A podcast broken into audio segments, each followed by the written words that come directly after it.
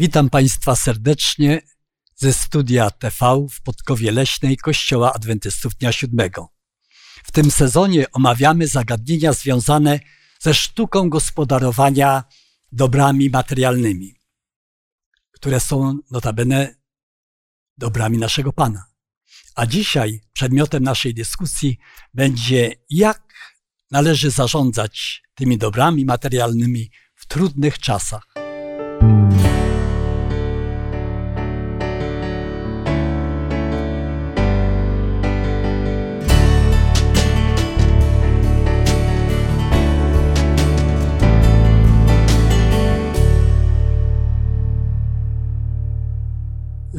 Kolegami moimi tutaj i uczestnikami dyskusji są Waldemar, Remigiusz i Władysław, a ja mam na imię Zdzisław. Ponieważ będziemy otwierać Pismo Święte, czytać Słowo Boże, zaprośmy Ducha Świętego, aby był wśród nas obecny i uprzejmie proszę Władysława do modlitwy. Nasz wielki Boże, Duchu Święty, który jesteś autorem tej wspaniałej księgi, Bożej Księgi, Słowa Bożego. Szczególnie w tym kwartale mówimy o trudnych rzeczach, a szczególnie dzisiaj, kiedy będziemy mówili, jak te wszystkie trudne rzeczy będą wyglądały, jak je czynić w czasie trudnym, a te trudne czasy to przede wszystkim czas końca. Dziękujemy Bogu, że szczególnie bardzo wiele w Piśmie Świętym przeznaczył na ten czas. Studiujmy te rzeczy, abyśmy, będąc w takim czasie, mogli właściwie zarządzać dobrami Pana. Niech imię Boga będzie uwielbione. Amen. Amen. Amen. Nie zawsze układa się sytuacja w świecie ekonomicznym, gospodarczym, no tak e, wzorcowo. Zazwyczaj koniunktura idzie tak falami. Raz jest lepiej, raz jest gorzej. I tak samo i w starożytności było. Tak samo było w okresie powstawania chrześcijaństwa, ale Pismo Święte mówi, że szczególnie trudny czas będzie tuż przed przyjściem Pana naszego Jezusa Chrystusa. I y, rodzi się taki, może u niektórych lęk, namysł, no jak zachować w takich okolicznościach. Chyba najbardziej y, w tych czasach powinniśmy trzymać się Boga z całej mocy. Tekst, który będzie takim mottem naszego studium, brzmi następująco. Ofiaruj Bogu dziękczynienia i spełniaj Najwyższemu śluby swoje i wzywaj mnie w dniu niedoli, wybawię cię, a ty mnie uwielbisz. Więc Pan Bóg nie zostawia nas samych, On jest Bogiem wiernym i to możemy doświadczyć w naszym życiu. Sytuacje kryzysowe były nieodłączną częścią życia ludu Bożego. W zasadzie nie od pomyślności do pomyślności, ale od kryzysu do kryzysu kształtuje się historia Izraela. I chciałbym Ciebie, Waldku, poprosić, abyś z czasów króla judzkiego Jehoszafata przeczytał fragment z Pisma Świętego, który pokazuje, jak oni w tych, w tych, w tych chwilach odnosili się do swojego Boga. Gdzie szukali ratunku? E, Jehoszafat był królem bardzo e, e, profesjonalnym. On wzbudził, zbudował w swoim czasie bardzo mocno armię, pobudował różne obronne miejscowości.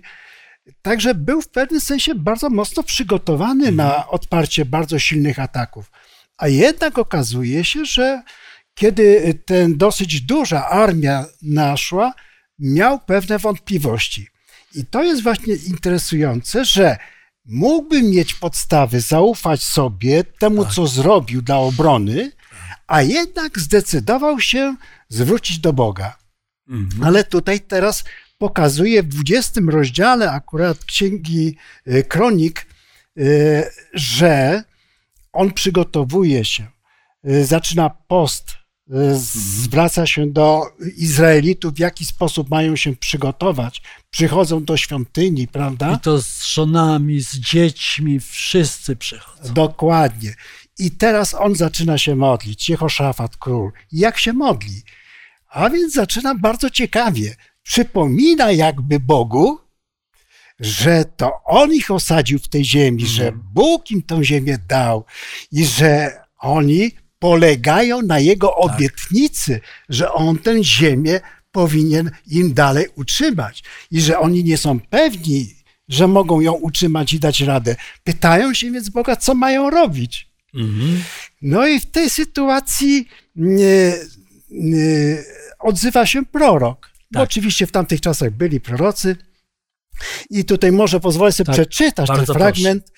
A na Jachaziela, syna Zachariasza, syna Benajasza, syna Jejela, syna Mataniasza, lewitem z potomków Asafa, stąpił duch Pana pośrodku zgromadzenia i powiedział: Słuchajcie, wszyscy Judejczycy, mieszkańcy Jerozolimy, ty królu, tak mówi do was Pan: Nie bójcie się i nie przerażajcie w obliczu tego licznego tłumu, ponieważ nie wasza to walka, lecz Boga. Stąpcie jutro przeciwko nim, oto oni będą się wspinać stokiem I Sis. może dwudziesty tekst bądź uprzejmie przeczytać, bo mamy też takie miejsce, gdzie sam król wypowiada bardzo ważkie słowa. Właśnie. Rano wstali i wyszli na pustynię Tekoa, a gdy wychodzili, Jehoszafat zatrzymał się i powiedział: Słuchajcie mnie, Judejczycy, mieszkańcy Jerozolimy, zaufajcie Panu, waszemu Bogu, a zostaniecie umocnieni. Zaufajcie je, Jego prorokom, a wam się powiedzie. To są kapitalne słowa. One są takim przesłaniem na wszystkie wieki do przodu. Prawda? Zaufać prorokom, Tak?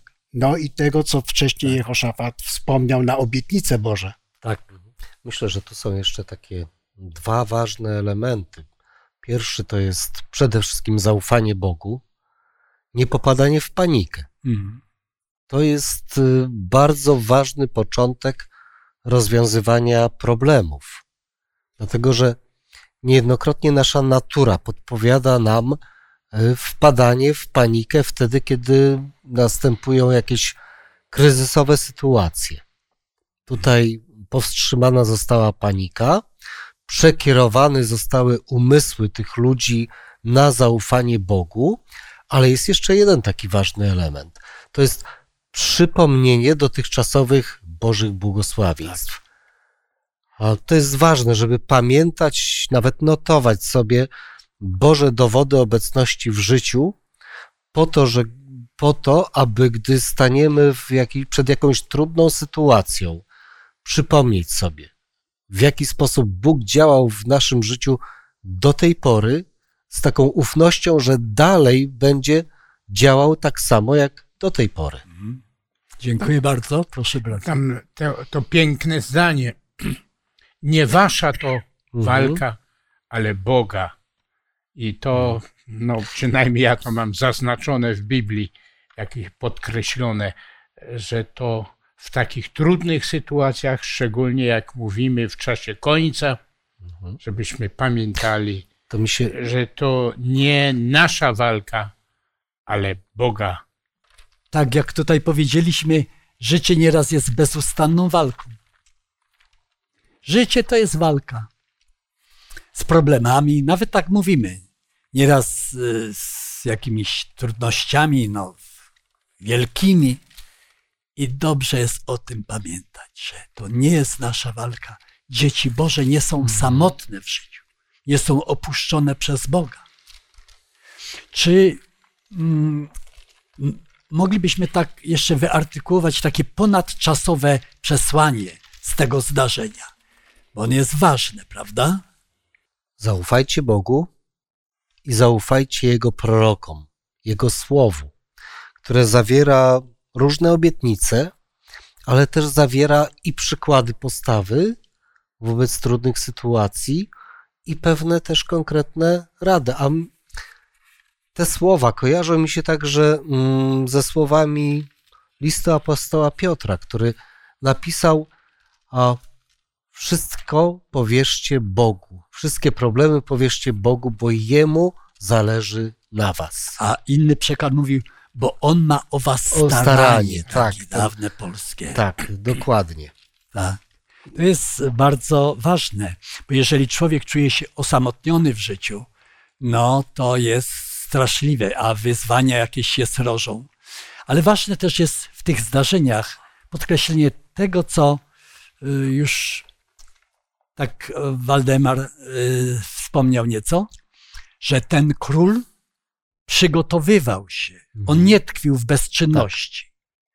On zarządzał roztropnie swoim y, państwem, tak jak my powinniśmy roztropnie zarządzać swoimi gospodarstwami domowymi, swoim jakimś biznesem, przedsięwzięciem, ale wiedzieć, że przed nami jest nasz Bóg. On jest wierny, on nas nie opuści. To jest fantastyczne. I każdy, który ma problem dzisiaj, niech uklęknie i prosi do Boga. Niech prosi Boga, który obiecał nam ochronę w takich czasach. No, jednak y, nawet wielcy królowie, tacy jak Dawid, nie umieli postawić w niektórych momentach Boga ponad wszystko, a swoje wysiłki gdzieś tam no, na normalnym takim poziomie. Wydawało im się, że to, co jest w ich rękach, jest najważniejsze. Zasoby ludzkie, zasoby finansowe, prawda? Jaka to była historia? Przypomnijmy To nieco. była historia Dawida, który w pewnym momencie wpadł na pomysł, żeby przeliczyć swoje wojska, żeby wiedzieć, jaką dysponuje siłą i na ile ta siła może przeciwstawić się Mhm. wrogom. Postanowił dokonać spisu, który był wbrew e, wcześniejszym Bożym poleceniom zawartym e, w księgach mojżeszowych, żeby nie spisywać ludu Bożego. Bo dlatego, bo e, powstaje taka, taka tendencja i taka pewność, która zasadza się nie na Tak, Bogu, tylko na ludziach, na osobach. I my jest- powinniśmy też pamiętać To jest ciekawe właśnie, że tutaj Dawid Proszę? miał oprócz samego słowa jeszcze bezpośrednie ostrzeżenie. Był jego Tak. dowódca Joab, który miał takie wątpliwości, czy wolno to zrobić. Ja pozwolę sobie przeczytać e, mm, z pierwszej księgi Kronik, a z 22, 21 rozdziału, trzeci wiersz. Lecz Joab rzekł, niech pomnoży Pan lud stokrotnie w porównaniu z tym, ile go teraz jest. Lecz Panie mój, królu, czyż nie oni są wszyscy sługami mego Pana? Po cóż pyta o to mój Pan? Po co ma być to przewinieniem Izraela? Mhm. Tutaj Joab wierzy, ufa w to, że Bóg będzie starał się o wystarczającą ilość sił i wojska. Nie potrzeba do tego spisu. No Dawid jednak a, poszedł inną ścieżką. A przecież znał historię Gedeona, Mhm. znał dokonania w Bożej mocy swojego przyjaciela Jonatana, prawda? Znał. A jednak go szatan kusił i mówi, stań na swoich nogach, to jest najważniejsze. Nie o wiarę tam. Twoje nogi, twoje postępowanie. Proszę Waldku. musimy jedną rzecz wyjaśnić. Informacja jest takim niezwykle ważnym i pożądanym produktem w zarządzaniu, jakimkolwiek zresztą. I tej informacji wydawać by się mogło, że trudno nie oczekiwać, że powinno się mieć. Poza tym e, Izraelici różne spisy dokonywali. Jeżeli sobie przeczytamy e, Księgę Liczb, no to zobaczymy, że się one znikąd nie wzięły. Były spisane. E, Chodzi o to, że to się odnosi do e, woli Boga. To Bóg zabronił liczyć. Dlaczego? Po to, żeby oni ufali Bogu. Bóg powiedział, że nieważne, ty masz ufać Bogu, ja zadbam o to, że tobie się pomoże, poradzi.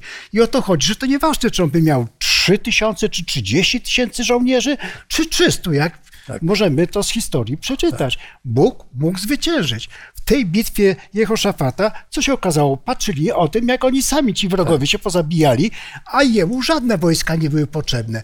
To sama sytuacja z Dawidem. On powinien był ufać i dlatego ten spis był takim wyrażeniem nie do końca zaufania Bożemu, tylko le- polegania na własnej wiedzy, na tym, że on się przygotował wystarczająco dość. Niekoniecznie. Te intencje jego Tak. były chybione, prawda? Proszę bardzo. Tu możemy podkreślić Dawida, który tyle doświadczeń miał już w przeszłości, e, że no przede wszystkim e, te doświadczenia, które on przeżywał, powinny e, ufać albo powodować, żeby zaufać Bogu.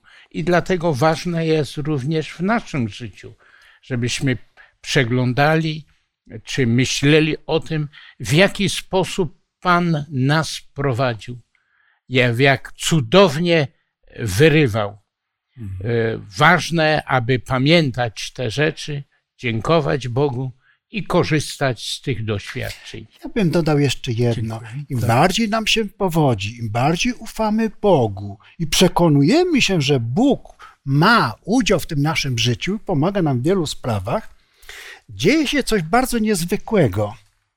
Otóż e, tracimy jednak łączność z Bogiem.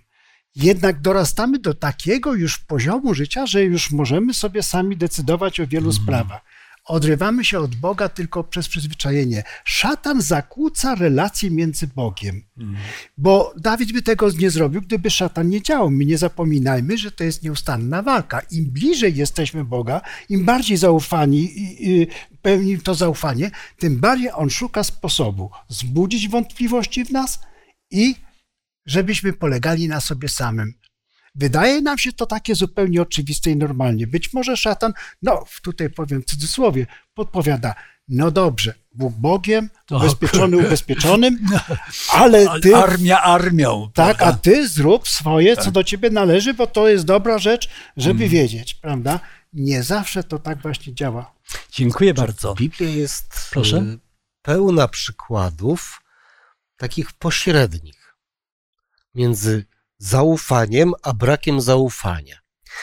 To są przykłady postaw ludzi, którzy brali w swoje ręce realizację Bożych obietnic. Mhm. Mamy Abrahama, który w taki sam sposób postąpił, Mhm. Mojżesza, teraz Dawida. I to jest y, chyba takie największe niebezpieczeństwo. A, chęć pomagania na siłę Panu Bogu.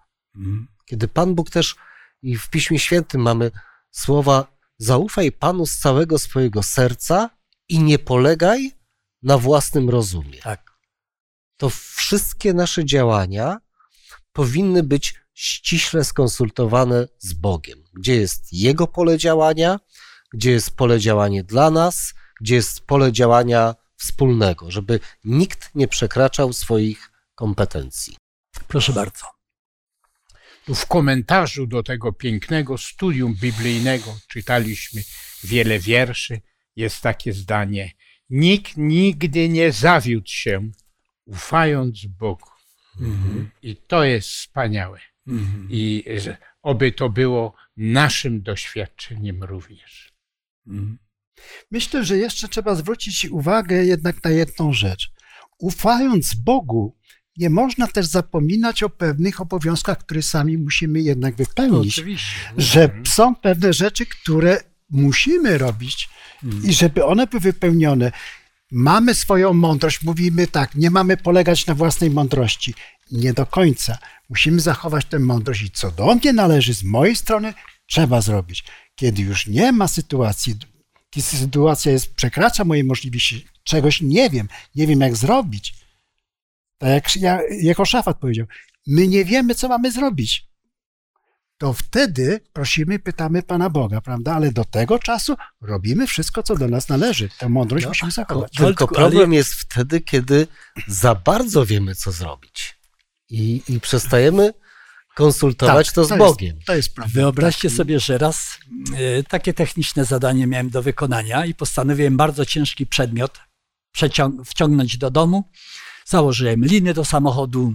Miałem taki samochód, który mógł pociągnąć to wszystko. I jak wchodziłem do samochodu, to powiedziałem sobie w umyśle tak, Boże, obmyśliłem to jak najlepiej.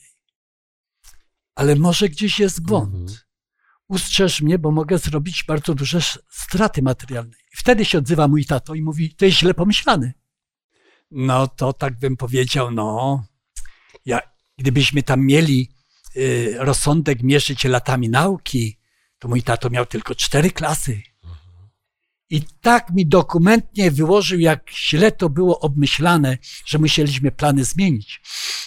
I wyobraźcie sobie, doszedłem do takiego wniosku, że nieraz Pan Bóg przemawia przez proroków, a nieraz przez dzieci do nas, a nieraz do takich zwyczajnych ludzi.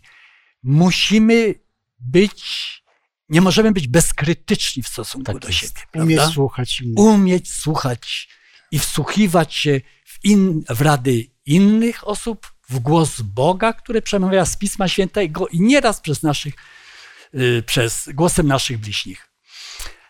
Ale przejdźmy też do takiej, y, takiego momentu, który pokazuje nam, że my w takich trudnych właśnie czasach możemy co już było wspomniane, wpaść w panikę, wpaść w przerażenie, albo przyjąć taką postawę, tak jak królik pod miedzą, czy zając pod miedzą. Wpadam pod miedzę, czekam, aż trudne czasy przeminą Mhm. i nic nie robię. Niech się ustabilizuje sytuacja. Okazuje się, że Pan Bóg ma swoje zdanie w tej sprawie i może przeczytajmy z drugiego listu Piotra, trzeci rozdział, od 3 do 12. Co Piotr przez pod natchnieniem Bożym radzi nam mm, w naszym życiu, w takich momentach właśnie kryzysowych, trudnych. Warto wiedzieć, że cały Nowy Testament powstawał w wyjątkowo krytycznym okresie, trudnym. To prześladowanie ze strony Żydów, to ze strony pogan, to Neron y, niszczy Pawła. No ale właśnie, co Piotr tutaj nam radzi? Drugi list Piotra, trzeci rozdział, od 3 do 12.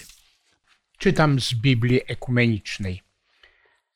Abyście pamiętali słowa powiedzianych wcześniej przez świętych proroków i przykazaniu Pana i Zbawiciela, przekazanym przez waszych apostołów. Trzeci, tak? Mhm. Przede wszystkim to wiedzcie, że w dniach ostatecznych przyjdą szydercy, y, którzy będą postępować według własnych rządz i mówić, gdzież jest obietnica Jego przyjścia? Dokąd bowiem zasnęli ojcowie, wszystko tak trwa, jak od początku stworzenia. Zatrzymajmy się w tym momencie. Chciałbym Wam taką historię opowiedzieć. Bardzo krótką, ale ona jest charakterystyczna.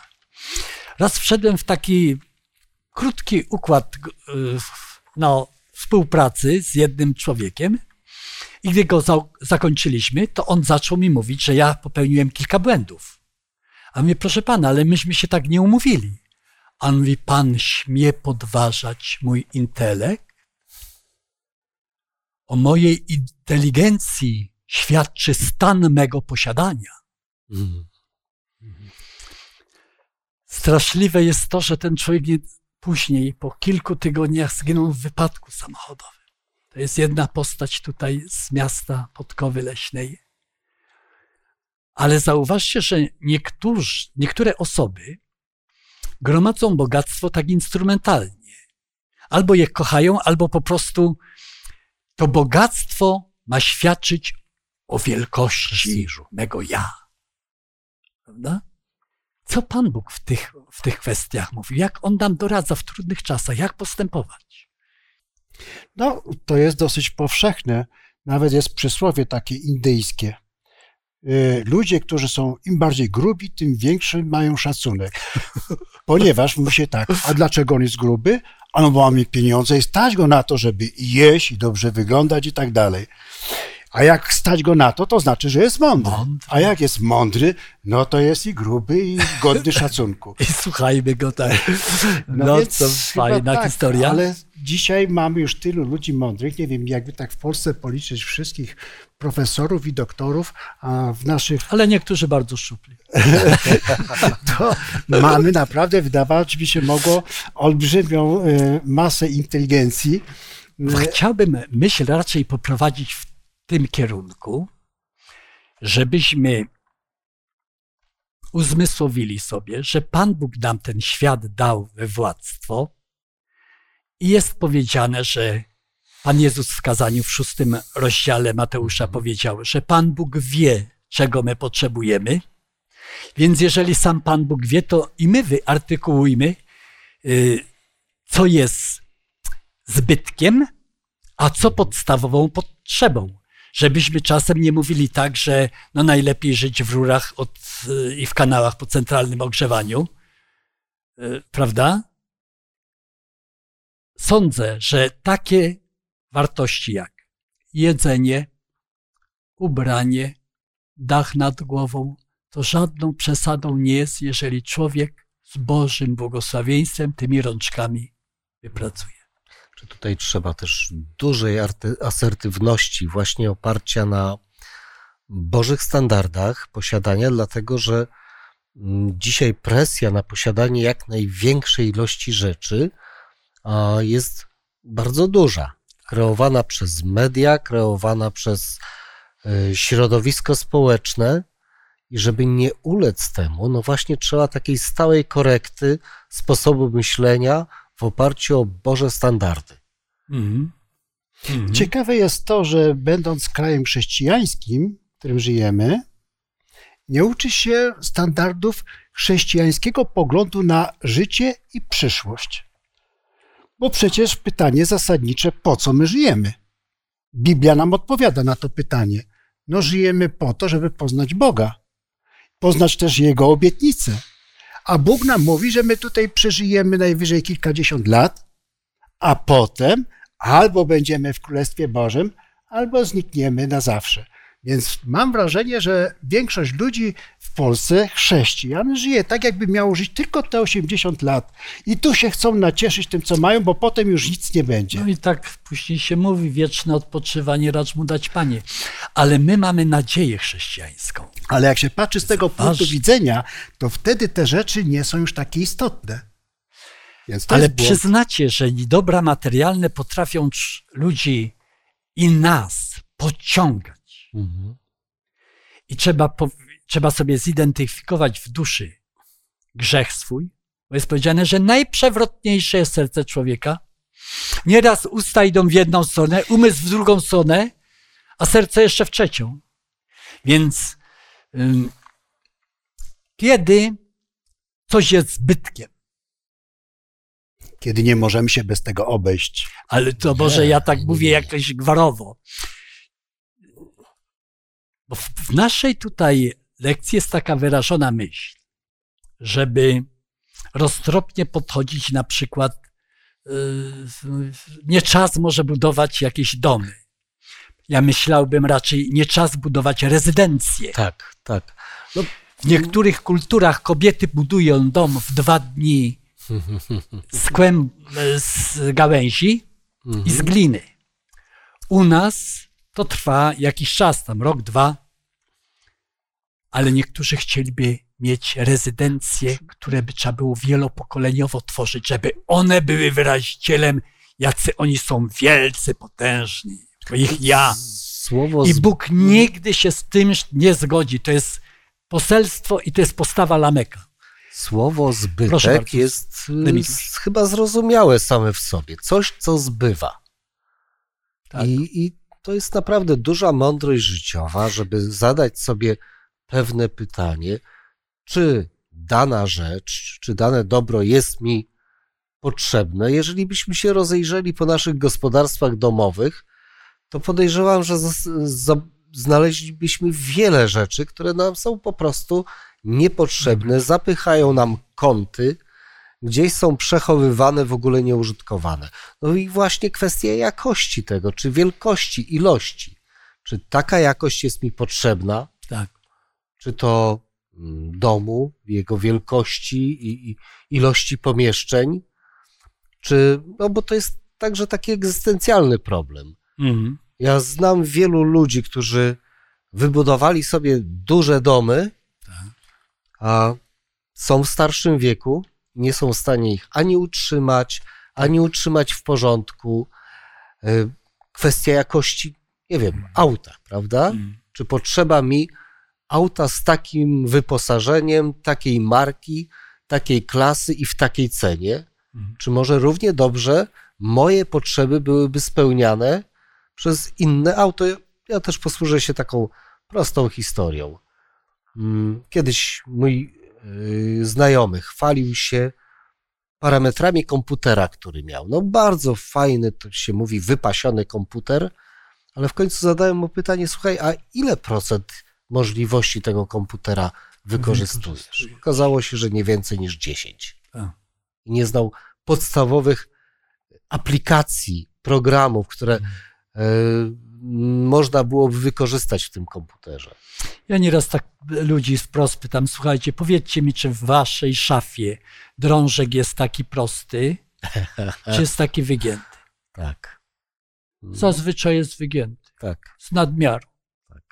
Więc ten nadmiar jest przeciwko nam. My musimy sobie nieraz postawić takie pytanie. Jeżeli masz zgromadzoną jakąś kwotę pieniędzy i widzisz jakąś wielką potrzebę w swoim otoczeniu, Mhm. czy jesteś skłonny wziąć część tych pieniędzy i łożyć na sprawy, które są ważniejsze od tego, jakie masz cyferki na koncie. I to jest sprawdzian chrześcijaństwa. Nie to, czy masz, tylko czy jesteś w stanie wyrzec się z tego dla dobra sprawy, czy tej osoby brakują, potrzebującej. To są sprawdziane nasze- naszego chrześcijaństwa. Co jest ważniejsze, czy braterstwo, czy poselstwo, czy kasa? Proszę, bracie. No ja tak przypominam sobie mojego ojca, kiedy zbliżał się do 90 roku życia, no wiadomo, że niedługo się zakończy, powiedział mi, żebyście czasem nie budowali pomnika, jakiegoś Mm. drogiego pomnika.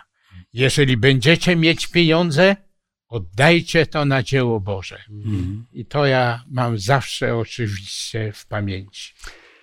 Dążymy dalej też i mm, Piotr miał dla nas takie dobre rady, ale Waldek jeszcze chciałby powiedzieć myśl swoją, proszę Ja tę definicję to bym tak e, z umiarkowaniem przyglądał. Dlaczego? Wolałbym, żeby było mówione w ten sposób. Po co ci to?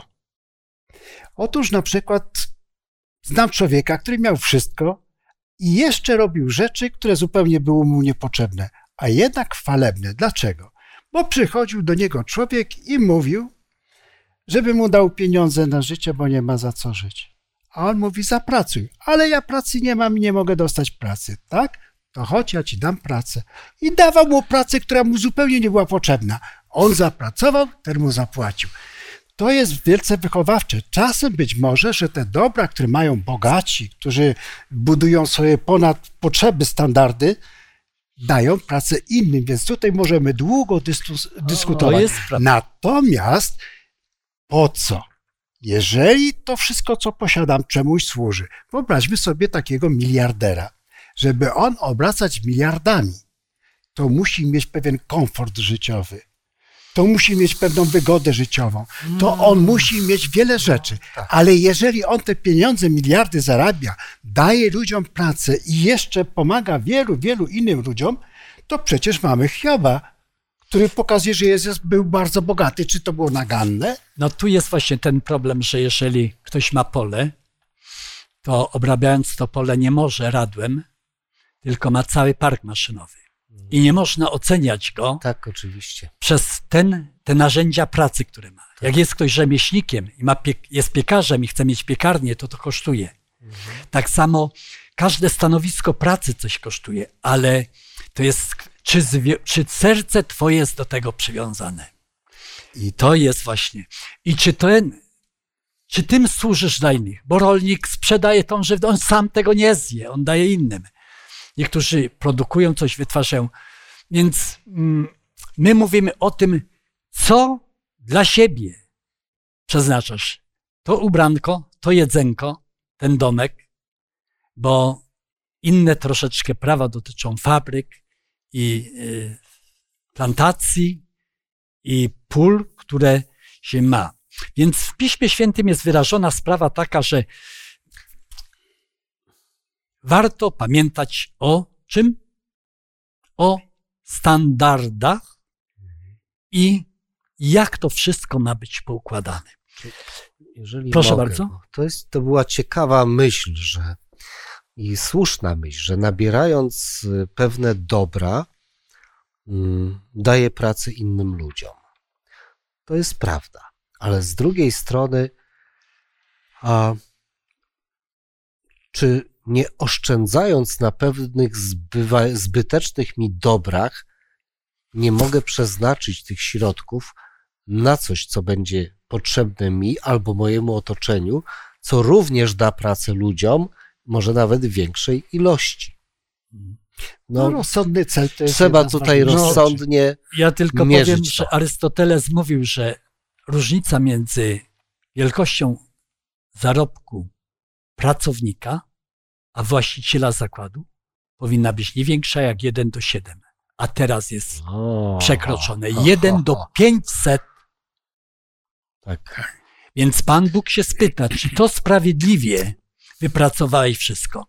Ale Mhm. nie trzymajmy się tych ekonomicznych takich kwestii. Jakie porządliwości nieraz miotają naszym życiem i potrafią nas skorumpować. W liście Jana Mhm. mamy przedstawione trzy niebezpieczeństwa, które zagrażają każdemu człowiekowi. Mhm. Czy moglibyśmy ten fragment przywołać tutaj w naszej dyskusji, omówić go uprzejmie Mhm. proszę? Nie miłujcie świata, ani tych rzeczy, które są na świecie. Jeśli kto miłuje świat, nie ma w nim miłości Ojca. Bo wszystko, co jest na świecie, porządliwość ciała, porządliwość oczu i pycha życia, nie jest z Ojca, ale ze świata. I świat przemija wraz z porządliwością swoją, ale kto pełni wolę Bożą, trwa na wieki. A w Mateuszu w szóstym rozdziale, w końcowej części 24 Mhm. tekstu, jest takie rozstrzygnięcie Pana Jezusa, że Nikt nie może służyć wam panom. Tak. Nie można dwom panom służyć. Bo Albo jedy- jednemu, albo drugiemu. po prostu Pan Bóg się nie zgadza na to, żeby, by, żeby dzielić y, najdelikatniejsze uczucia w naszym sercu z kimkolwiek czy czymkolwiek. To jest nasz wybór. To Nasz jest wybór. nasz wybór, dlatego że od początku historii ludzi, no właśnie porządliwość oczu, porządliwość ciała i to też jest echo pierwszego kusz- kuszenia. Tak. Będziecie jak Bóg. Tak? Pycha życia to są te pokusy, które towarzyszą nam wszystkim. I teraz, jeżeli nie postawimy tamy w naszym wyborze, w naszej świadomości, no to wtedy popłyniemy za tymi porządliwościami. Pozwólcie, że w tym miejscu się włączę. Mój znajomy opowiadał mi, że wszedł do wielkiej takiego z- magazynu elektronicznego sprzętu i później do biura właściciela. I ten właściciel się trochę wystraszył, a tu na stole miał pełno pieniędzy. I ten adwentysta coś nawiązał mu, że powinniśmy jednak ufać Bogu. A on zaczął te pieniądze tak podnosić, tak i mówi, to jest mój Bóg, to jest mój Bóg, to jest mój Bóg. Następnym razem przyjechał ten mój bliski znajomy i okazało się, że ukradli mu Boga. Mafia wszystko mu wyskubała, a pod łóżkiem zostawili taki łom z kartką, a spróbuj nas znaleźć. Więc uważaj, żeby ci Boga nie ukradli. Mhm. Myślę, że bardzo dobrym przykładem właściwej miary co do tego, co nam jest potrzebne w życiu, a co nie, jest to, co się dzieje w tej chwili w Ukrainie. Popatrzcie, część ludzi bez większych problemów zagrożonych ter- terenów chwyciła po torbie, walizce dzieci i za granicę uciekła z terenu, żeby nie stracić życia, pozostawiając domy i wszystko inne rzeczy. A do dzisiaj na terenach, gdzie nieustannie trwają walki, są ludzie, którzy nie są bogaci, są również biedni, a nie chcą wyjść, bo co? On nie zostawi tutaj domu swojego. Cały jego dorobek to jakaś chałupinka i on jej nie zostawi. To nie jest kwestia tego, czy on jest bogaty, czy jest biedny, tylko kwestia tego, czy gotów to oddać. Ale wiesz, Waldku, nieraz to. kwestia wieku też odgrywa swoją rolę, prawda? Też to prawda, oczywiście. Bogatsi byli bardziej mobilni, młodzi byli bardziej mobilni, mobilni a osoby starsze, y, niezamożne, zawsze są w takich sytuacjach pokrzywdzone. Ale wiedzmy, że nadejdzie czas szczególnego kryzysu, Tak. bo my mówimy, że Dzień Pański przyjdzie jak złodziej w nocy. I wydarzenia poprzedzające przyjście Pana Jezusa Chrystusa są przedstawione w Piśmie Świętym jako brzemienne też w te represje ekonomiczne. Czy moglibyśmy to skomentować uprzejmie, proszę? Z, No, z jest- Apokalipsy, proszę. Tak w księdze Apokalipsy jest porównane, że nie będzie można kupować, sprzedawać, a to, co nagro- nagromadzimy, no to czyje to oczywiście będzie. I dlatego jest to ostrzeżenie, że będą potęgi e, i te, które szalały w przeszłości, i potęgi, które no, narastają w czasie końca one będą e, rzeczywiście dążyły w tym kierunku, żeby nie można było sprzedać ani kupić, czyli uderzenie jest prawie ek- ekonomiczne. I dlatego ci, którzy mają nagro- nagromadzone pieniądze, E, Tak, wtedy, co, co, to, co to im da? Co wtedy wszel, wszelkie mechanizmy ekonomiczne stracą swoją rację bytu. Mm. Wszelkie prawa ekonomiczne stracą swoją, swoje racje bytu i no faktycznie osoby, tak jak to było przy potopie, Mm. posiadające różnego rodzaju dobra, będące do nich przy, będący do nich przywiązani, tak naprawdę stracą jakąkolwiek nadzieję na cokolwiek. Dlatego też ten sam rozdział Księgi Apokalipsy mówi o tym, że najważniejsze jest to, żeby dbać o to, żeby imię moje było zapisane w Księdze Baranka, w Księdze Żywota. Tak. Tak. Bo to będzie to największe i jedyne w tym momencie dobro, jakie Możesz ktokolwiek zachować. będzie zachowywał, posiadał. W księdze Daniela, tak samo jak e, w księdze Apokalipsy świętego Jana, przedstawiony jest niez, niezwykły ucisk ostatnich dni. Jakiego nigdy nie było. nie było, więc możemy mówić o natężeniu i wzroście tego, co znamy, albo i jakościowo może być inny. I lekcja nas prowadzi w tą stronę, że taki ucisk, że twoje podstawy ekonomiczne będą zachwiane.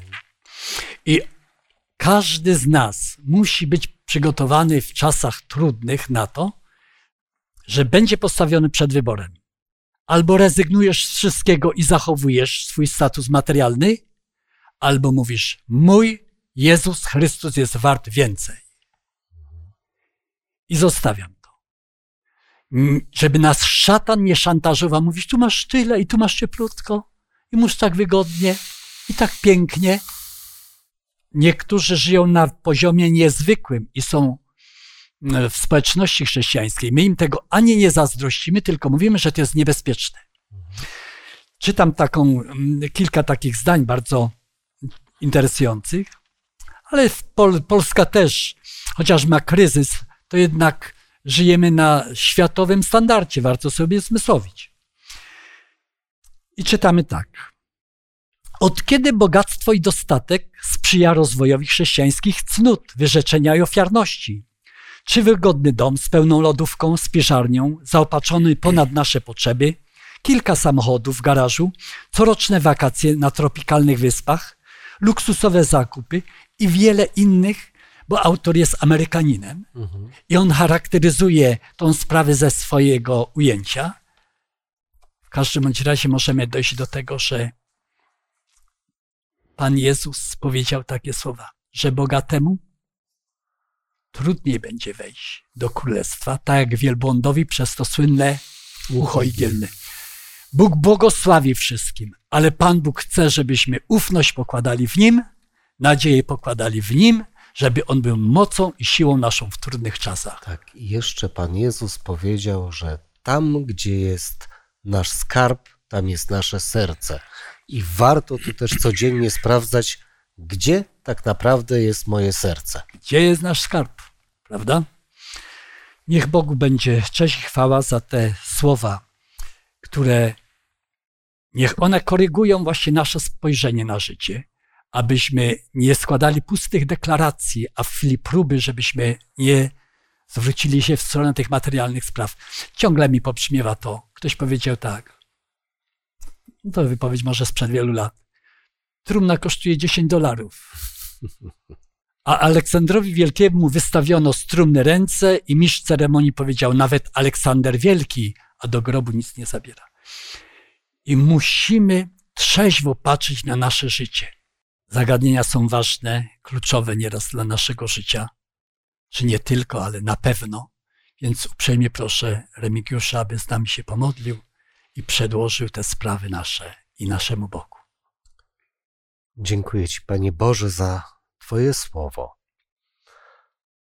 za te miejsca, które przypominają nam o potrzebie przede wszystkim zaufania Tobie i posłuszeństwa Twojemu słowu, kiedy różne kryzysy nas dotykają i kiedy stoimy przed ogromnym kryzysem.